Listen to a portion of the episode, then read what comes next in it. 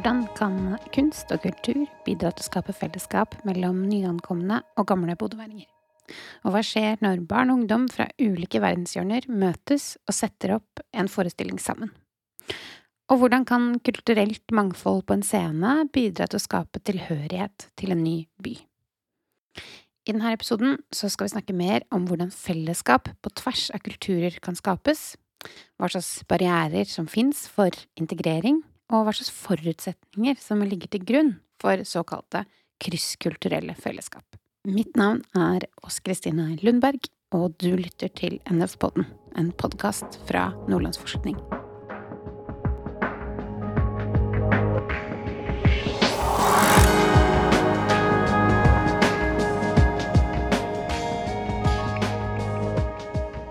Med meg så har jeg forsker på Nordlandsforskning, Tone Magnussen, som er eh, forfatteren bak et uh, bokkapittel om erfaringene fra forestillingen Flere farger Bodø. I boka som akkurat er gitt ut, som heter Fortellinger om integrering i norske lokalsamfunn. Um, hei, Tone. Hallo. Um, før vi kommer til de konkrete erfaringene med forestillingen Flere farger i Bodø, så lurte jeg på om du kunne fortelle noe om litt, altså litt mer om forskningsprosjektet Citigration, som det her arbeidet har sitt utspring i? Ja, Citigration er jo forkortelsen for et prosjekt som egentlig heter Bærekraftige, mangfoldige byer, eh, som er en del av byforskningsprogrammet i Forskningsrådet. Og det handler rett og slett om hva slags forutsetninger har de nordnorske byene, Tromsø og Bodø, på å lage gode møtesteder mellom de som bor der fra før, og de nyankomne? Og da ser vi spesielt på kunst, kultur og frivillighet som sånne arenaer for å skape nye møter. Er det noen spesiell grunn til at det var de arenaene dere var opptatt av i dette prosjektet? Ja, fordi vi så når vi forberedte prosjektet, at det er noen sånne hull i forskningskunnskapen.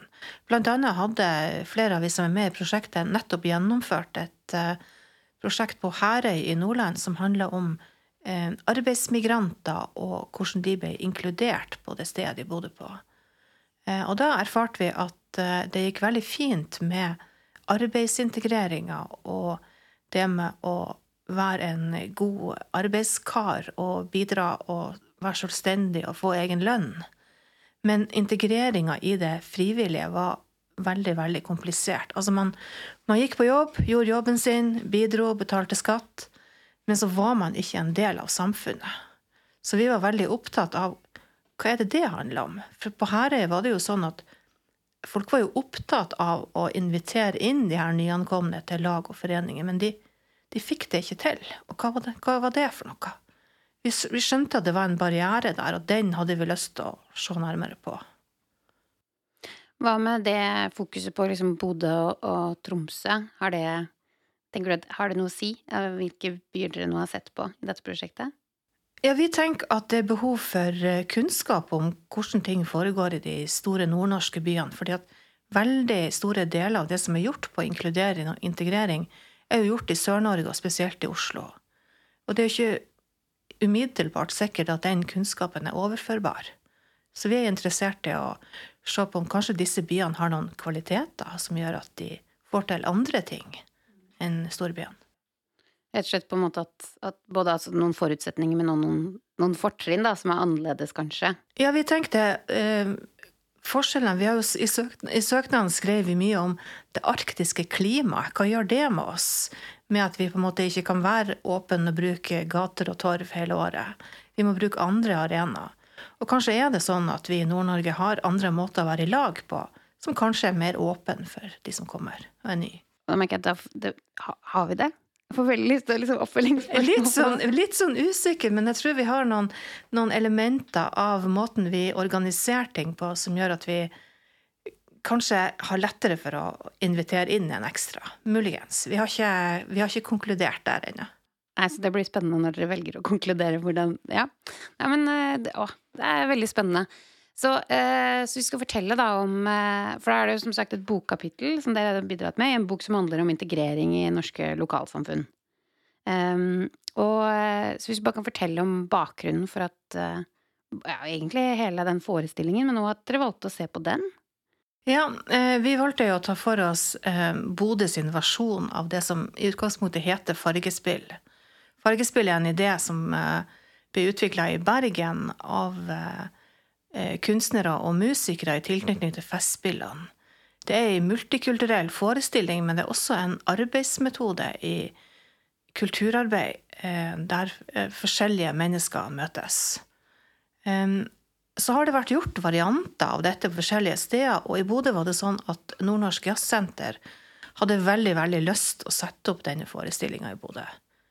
De jobba hardt for å få det til, og eh, i 2016 eh, kom den forestillinga som heter Flere farger Bodø, sommerfugl i vinterland. Og da tenkte vi at det er jo en veldig artig ting å kunne følge i prosjektet vårt, for det er et veldig det er et veldig konkret kulturprosjekt der det at folk med ulik bakgrunn skal møtes, er selve utgangspunktet. Det er det det, er det, det handler om. Så tenker vi at det var artig å følge, så vi var med på øvinger. Eh, vi gjorde intervjuer med deltakere, instruktører, med folk rundt de her deltakerne, og så var vi på selve forestillinga. Eh, og det var jo en veldig, for oss forskere, en helt eh, ny opplevelse, og egentlig en veldig, veldig sterk opplevelse av å eh, få innsikt i hva som foregikk der. Det må du fortelle meg om. Det handler jo om at også vi ble klar over eh, det som de voksne rundt disse ungdommene snakker om, at det er så det er så stor avstand mellom de livene som nyankomne ungdommer og barn lever, og de livene som vi andre som har bodd her i mange år, har det er på en måte parallelle liv, og vi ser litt hvor mye Vi ser på en måte de usynlige grensene bli synlige. Vi fikk vite litt om hvorfor det er vanskelig å rekke denne øvinga hver onsdag klokka fem. Jo, det handler kanskje om at man, eh, man kommer fra et hjem der det er seks andre unger som skal eh, komme hjem fra skolen og få middag og gjøre seg klar, og at det kanskje ikke er like mange ressurser som vi norske har til å finne ut om det er mor eller far som skal kjøre dette barnet denne dagen. Eh, og så er det også noe med de språkbarrierene og forståelsen av hva som er foreldrenes rolle i det her. Så de tingene ble jo synlige også for oss. Fordi de blir synlige i det dere jobba, eller var sånn, så det konkrete i det å lage forestilling Altså at, at, det som man kanskje ikke tenker på som barrierer, at, at, det, at de blir veldig tydelige, da. Eller liksom ble de tematisert, eller var det mer sånn dere fanga de opp? Nei, det ble jo fanga opp av de voksne som var rundt der. For eksempel så var det en, eh, en gruppe ungdommer som da bodde på et uh, mottak for unge enslige asylsøkere, som plutselig kom det ikke noen av de. Så lurte de på ja, har det skjedd noe. Nei, så ville de egentlig ikke snakke så mye om det, men så viste det seg etter hvert at det det handla om, var at de hadde ikke penger til bussbilletten. Og det var jo en ting som lett kunne ordnes. Men det er også en sånn usynlig barriere, for eh, jeg kjenner ikke så mange andre norske ungdommer som ikke har penger til bussbilletten. Nei, og sikkert ikke noe så at det er så greit å si det heller. Altså å ta det opp. At ikke det i seg selv Ja, at det er ikke noe man nødvendigvis gjør, da. Nei, og det er jo knytta en del på en måte skam til det, men her ble det i hvert fall sagt, og så ble det veldig enkelt uh, utlevert et busskort til alle ungdommer. Så var i hvert fall den barrieren borte. Mm.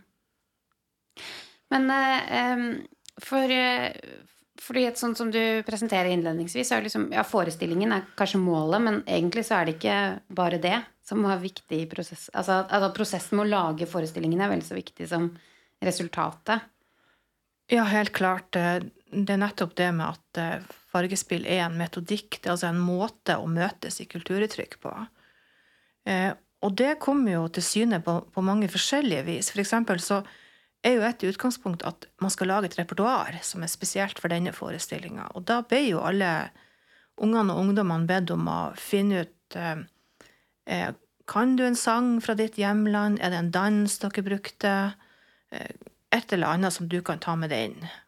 Og da opplevde jo instruktørene at veldig mange, sånn som norske ungdommer ville gjort, kom med sånn YouTube-materiale. Mm -hmm. Fordi at det, populærkulturen det, var, det viste seg å være en veldig stor arabisk populærkultur.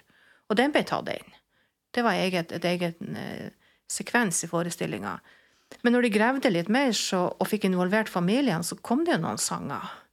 Det kom noen sanger, og det kom noen danser, og de ble brakt inn i forestillinga og gjort om. Eh, altså hvis man hadde ei, ei, folketone fra Somalia, så ble den på en måte arrangert med musikk eh, og, med, og med rytmer som kanskje tok den med inn i et litt annet univers. Altså en slags profesjonalisering. Sånn at det kulturuttrykket den ungen hadde med seg inn, ble gjort til et annet i møte med den norske kulturen. For det, det, det er liksom det møtet her som er poenget? Møtet er poenget, og også blant sånn veldig konkret blant de ungdommene som deltok, så var det jo sånn at noen hadde med seg noen dansetrinn fra Afghanistan.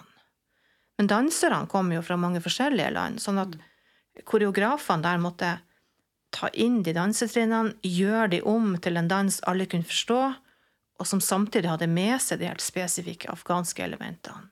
Og så sjekket du ut mot de som hadde med seg denne dansen. Er det riktig? Ja. ja. Og så måtte de andre lære det. Og det hadde de deltakerne veldig stort utbytte av. De må lære sang og dans på tvers. Lære fra og med hverandre, da? Ja, rett og slett fra og med hverandre. Og, på en måte kunne si at uh, men den sangen har jeg hørt før, men da vi synger med en annen tekst, mm. eksempel. Mm. Men hva, hva, er liksom For nå nevnte du liksom både koreografer og liksom at fikk, ting fikk et profesjonelt uttrykk. For at kobla på dette, så var det profesjonelle utøvere også. Eller altså fagfolk, på en måte? Ja, det var profesjonelle instruktører både på uh, musikk, sang og dans. Og så var det et uh, team, eller rett og slett et band av musikere som backa de opp. Ja. Men hva, hva slags rolle for, for, hvordan blir liksom forholdet mellom de som Altså mellom barna og ungdommene og de som kanskje legger Altså hvem, hvem, hvem på en måte satte premissene eller føringa? Jeg tror det var veldig Det var veldig Hva skal jeg si Det var en stor grad av medvirkning, og at ungdommene og unger fikk lov å komme med sine element. Eh, og så var den forestillinga i bevegelse helt Eller altså, øvingene var i bevegelse helt fram til forestillinga. Da først ble det satt sammen rekkefølge og nummer. Eh, og ungene var i stor grad det, eh, Ungene var i stor grad med på å bestemme dette. For eksempel så var det noen unger som insisterte på at de skulle ha turning og salto. Det fikk de. Ja, For det var viktig for dem? Det var viktig for dem. Ja.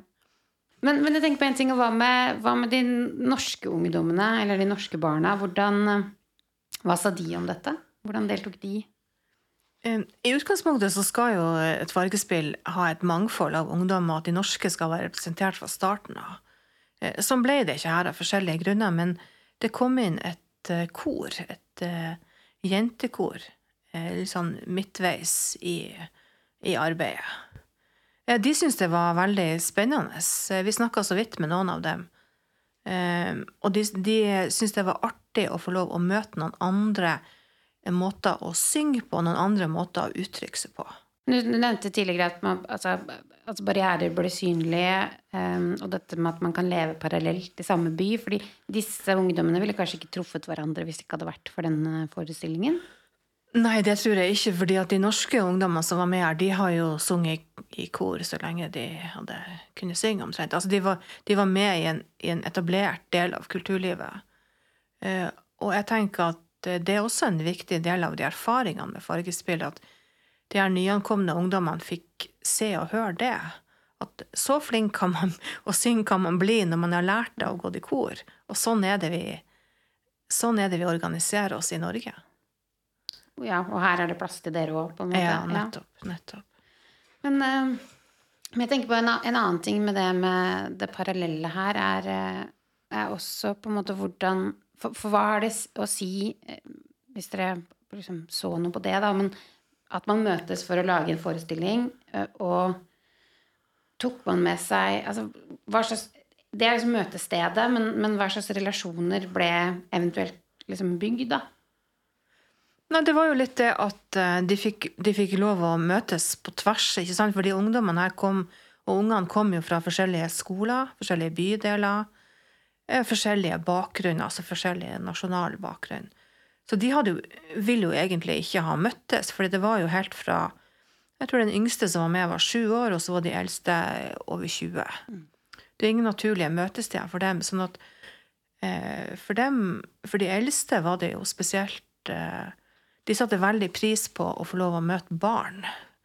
For det var jo ungdommer som var kommet fra Syria Afghanistan. Kommer fra store familier og er vant til å omgås eh, generasjoner, for å si det sånn. Og så var det Livet deres her i Norge var i et hybelbygg bare med jevnaldrende, og bare gutter. Det er en veldig kontrast til hvordan, hva man er vant til, da, på en måte. Veldig kontrast, og de, eh, det ble jo bemerka til oss av eh, instruktørene der at eh, de livna så opp når de fikk lov å ta fram barnet i seg sjøl og herje litt rundt og bære på de små og tull og tøys. Vi snakka litt om disse instruktørene bak forestillingen og sånn, men, men hva, hva Hva satt de igjen med etter å ha gjort dette? Ja, de sa jo flere ting til oss. Det ene var jo for det første den, den enorme gleden det var å, å følge noen som eh, var, ikke hadde noe kunnskap om det med å lage forestilling og så stå på ei scene. Det visste de ikke hva var, egentlig, for det, det hadde ikke noe bilde av på forhånd, men de visste at de hadde, de hadde stor glede av sang og musikk. Eh, og når de fikk på en måte profesjonalisert uttrykket sitt, altså øvde inn den sangen, fått med musikere, og fikk lov å stå på scenen, altså dele den gleden med de ungene, og se eh, hvor mye de vokste på det, det syns de jo kanskje var det aller største. Og så er det jo selvfølgelig det som alle sier, at det er jo et gripende øyeblikk når eh, barn fra hele verden er med og synger 'Sommerfugl i vinterland'. Det er jo et spesielt eh, øyeblikk, rett og slett. Men, men bortsett fra det, så er de også opptatt av at, at de fikk innsikt i, i livene til menneskene, og de som man egentlig ellers ikke møter, men bare ser de på gata og tenker at ja, men det er de. Mm. Og så er det på en måte å få innsikt i at ja, det er i grunnen akkurat det samme som oss, men de har de har noen steg og noen barrierer de skal igjennom for å kunne ha de samme mulighetene som oss andre. At veien fram til å bli inkludert er ganske lang, men det er tøffe mennesker som har guts til å klare det. Men har vi Hva tenker du om hvor altså For dette her er jo liksom kulturlivet da, som er med på å lage sånne møteplasser. Har vi Er det for Altså Både hvordan blir de til, forholdet mellom på en måte hva som er organisert og litt uorganisert, da, men, men, men har vi nok sånne møtesteder i dag? Nei, jeg tenker at vi, vi har ikke det. Vi um, I Norge så har vi jo Det er liksom to arenaer som er veldig viktige for barn og ungdom. Det er jo idrett, og så er det kulturlivet. Og jeg tror for mange av de som kommer hit, så er det både for de ungene sjøl og for familiene deres, så er det ukjent, det her måten vi Vi er så organisert, ikke sant? Bare det i seg sjøl. At det er jo nesten ingen unger som er ute og spiller fotball på Løkka lenger. Nei. Men de er på trening hver onsdag klokka fire Ja. eh, fra de er veldig, veldig små. Og, og det tror jeg er en veldig kontrast eh, til de erfaringene som de nye ungene har med seg. Mm. Eh, så jeg tenker at eh, Nei, altså, møtet med det, møte med det organiserte Norge kan, tror jeg kan være en litt sånn tøff erfaring. Mm. Eh, fordi at man finner ikke helt ut av hvordan det henger sammen. Og da, da finnes det jo måter å gjøre det på. En av eh, samarbeidspartnerne våre i Tromsø, eh, han jobber med flerkultur i kulturavdelinga i Tromsø kommune. Og han, hver gang det kommer et nytt kull på voksenopplæringa av foreldre, da, så drar han ut dit, eh, forteller de om alle tilbudene som finnes i Tromsø kommune, og så sier han kan dette være noe for din unge? Vil din unge gå på svømming? Greit, da skal vi ordne det. Da er det sånn. Så jeg tenker at det er et veldig behov for informasjon til disse foreldrene og nyankomne unger over hvordan vi organiserer oss. Fordi at de må i hvert fall vite om det. Altså, er det noen som har et talent for fotball eller ønsker å spille fløyte eller synge i kor, så må de vite om det. Så kan de veldig godt velge det bort, det er klart de kan. Men de må i hvert fall vite at det finnes, og sånn, sånn er reglene for å delta på dette feltet. Det er kanskje også et godt eksempel på altså foreldre som inngang da, til, til barna. Selvfølgelig, da. Altså det er den informasjonen man trenger å ha eh, for å kunne delta. Ja, altså i idretten så har de jo nettopp starta det som heter aktivitetsguide, som nettopp er å være en sånn megler eller mellommann mellom foreldre og det, det organiserte frivilligheten. Og da det da har de identifisert at det gjerne er språk som er en barriere. Mm. Hvis du kommer fra ja, Eritrea og snakker tigrinja, så er det ikke så lett eh, når alt eh, foregår på Tromsø-dialekt. Så da har de jo rekruttert aktivitetsguider som snakker forskjellige språk, og som er bindeleddet mellom familien og idrettslaget. Og det ser ut til å fungere veldig godt. Og det har de gjort i Tromsø? Det har de gjort i Ja. Tromsø, og det er så vidt begynt med det i Bodø òg. Ok, nettopp. Så det, det er noe ganske nytt, da?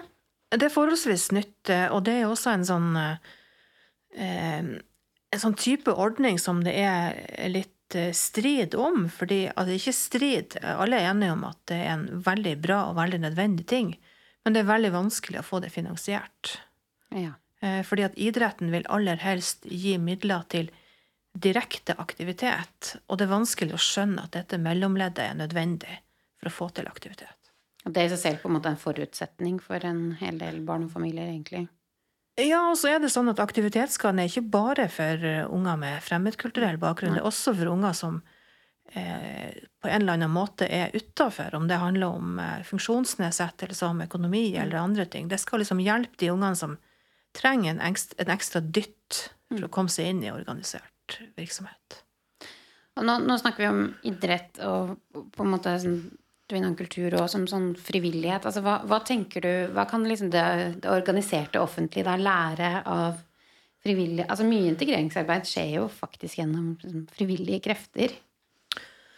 Ja, jeg tenker jo at um, frivilligheten er ei side, men, men jeg tenker at kunst og kultur har jo også noen Eller begge de områdene der har noen, noen energi og noen krefter, noen arbeidsmåter, som kanskje er litt forskjellige fra det offentlige.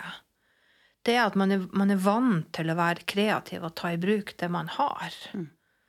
Eh, man sitter som regel ikke Altså, Går det ikke på den måten, så må vi finne en annen måte som vi får det til på. Og det viste seg jo veldig tydelig i denne forestillinga med flere farger, at det å improvisere på alle måter, altså både på det kunstneriske innholdet og på måten man organiserte på, var helt nødvendig.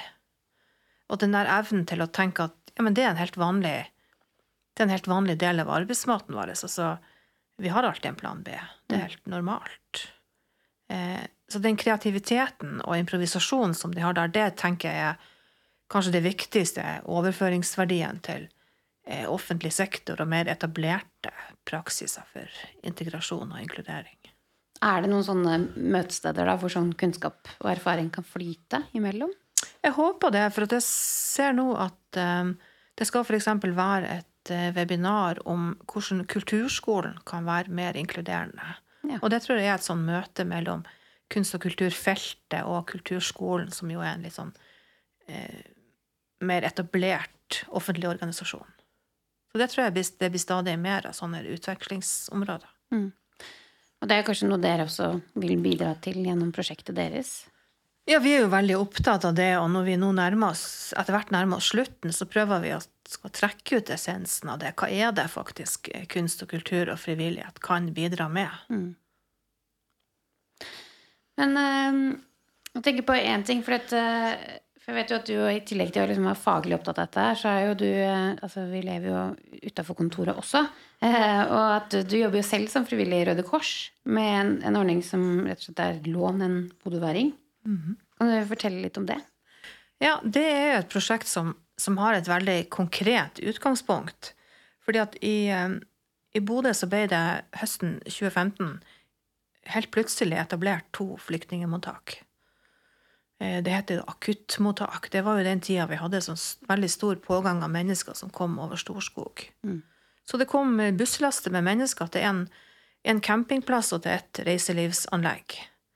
Der hadde, ble de for så vidt tatt godt hånd om. De hadde tak over hodet og eh, mat hver dag, men det var ingenting annet tilbud i det.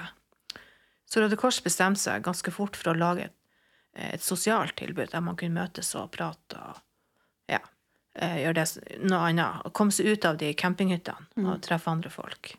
Så det var jeg med på, eh, og da ble det rekruttert veldig, veldig mange nye frivillige til Røde Kors. Dette var jo under den bølgen når vi hadde Refugees Welcome to Norway, som virkelig mobiliserte hele Norge, egentlig, til innsats. Fordi det var jo en stor humanitær krise i Europa, så folk var Folk ville veldig gjerne gjøre noe. Mm. De ville enten gi penger, de ville gi klær, eller de ville lage mat til disse menneskene som kom. Så vi hadde den samme tilstrømminga i Bodø òg. Eh, og det var en, en veldig eh, fin ting å være med på. Eh, så var det det at de, disse mottakene ble jo nedlagt etter noen få måneder. Når vi hadde passert februar 2016, så ble de lagt ned, og folk flytta til andre steder. Mm. Og så ønska Røde Kors å holde på engasjementet.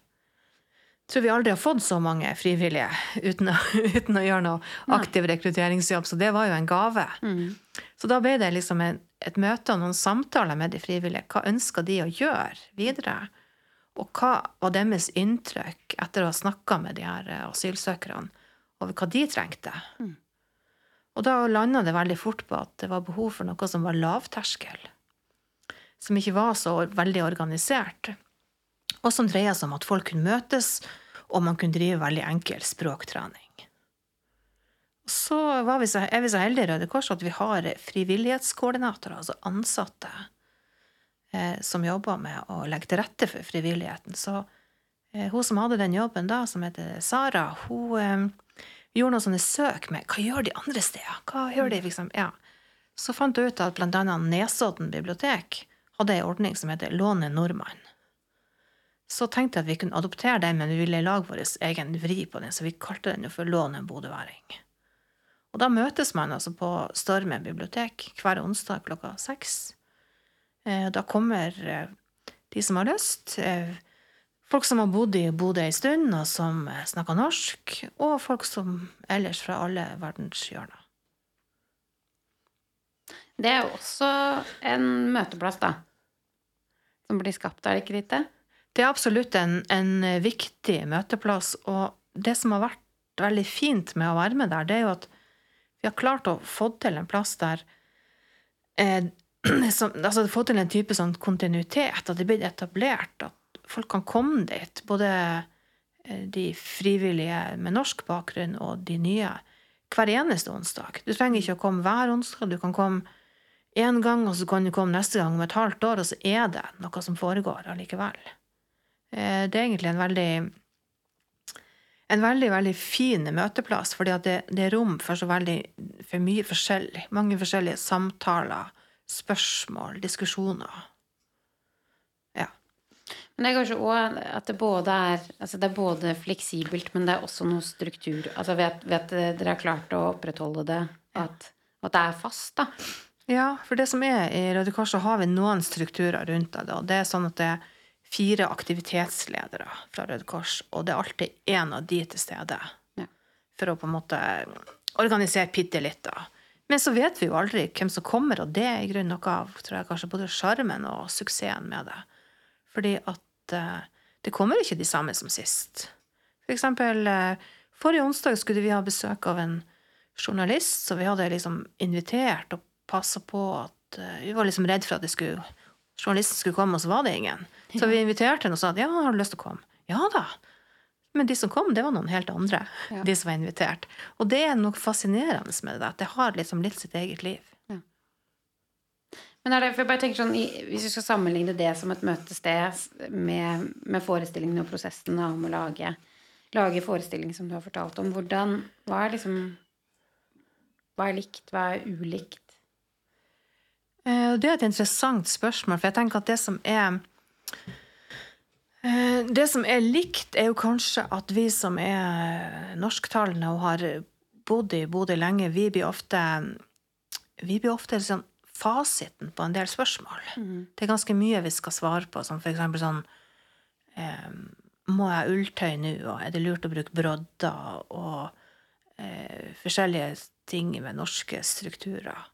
Så skal vi liksom eh, de, Ja, av og til så forventer noen deltakere at vi skal Vi er nesten liksom allvitende om ting i Norge. Du skal ha fasiten, på Vi skal måte? ha fasiten, ja. Ja. Så det tenker jeg er litt likt alle de spørsmålene som de instruktørene og de voksne i Fargespill fikk.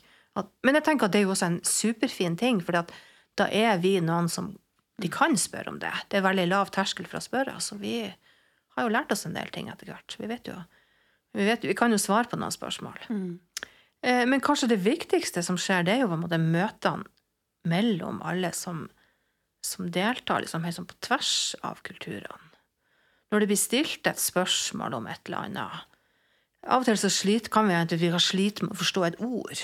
Altså, vi forklarer det på norsk, og så blir det ikke så tydelig eh, for de som deltar. Men så er det noen som kanskje kan eh, slå opp på mobilen sin og finne den arabiske varianten av det, og så kan de snakke om det og si ja, ja, men ok, det er sånn. Det er det, ja. At det er en sånn her kultur for å hjelpe hverandre.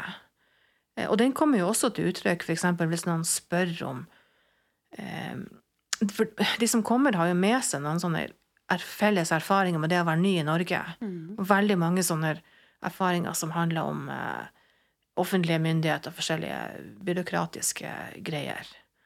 Eh, og der kommer jo vi norske til kort, for vi har jo ikke vært der. Vi vet jo ikke hvordan man skaffer seg nytt skattekort. Nei. Og da kan det komme sånne gode situasjoner der eh, eh, folk blir ressurser for hverandre. De deler på kunnskapen sin og gjør konkrete avtaler. At ja, men eh, jeg skal være med deg dit.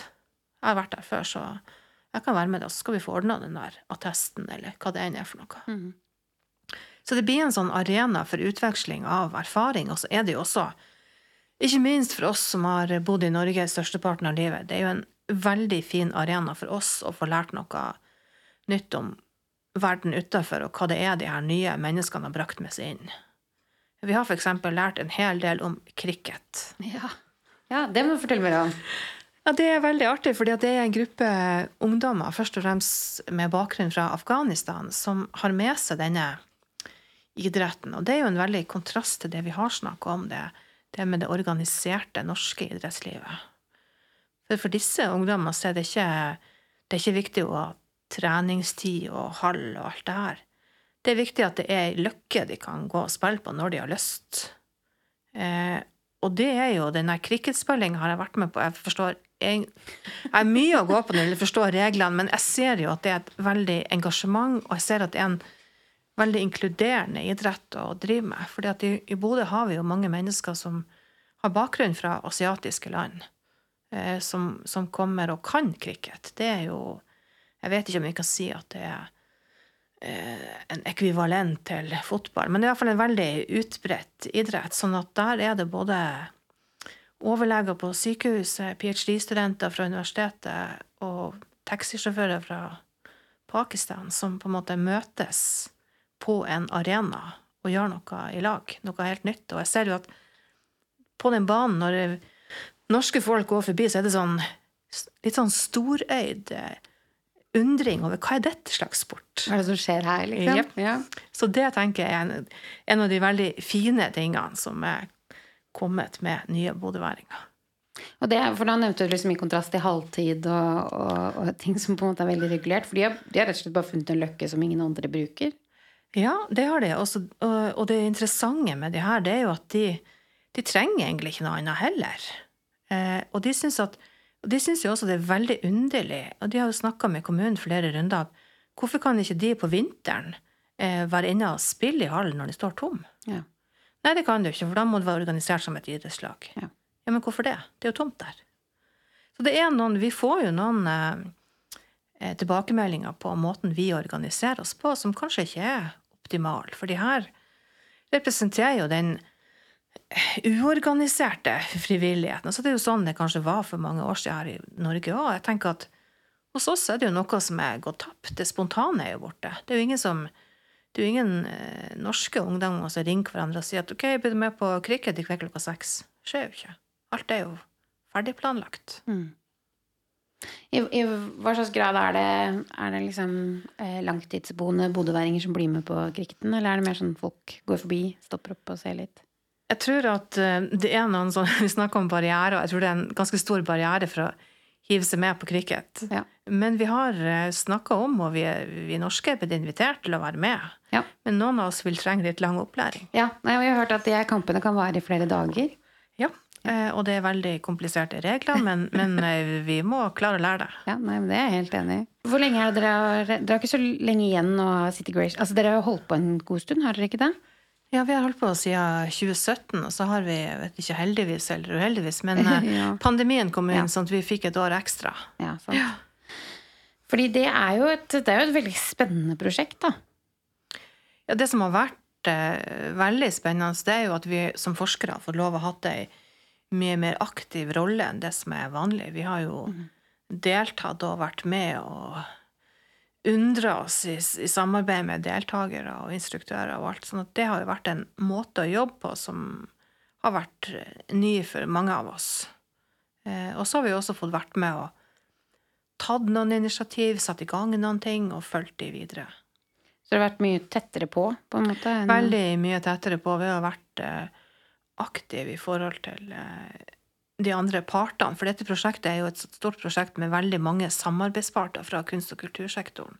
Og det har vært et reelt samarbeid. Og mm. det har, vært, eh, det har utfordra oss veldig på veldig positivt vis.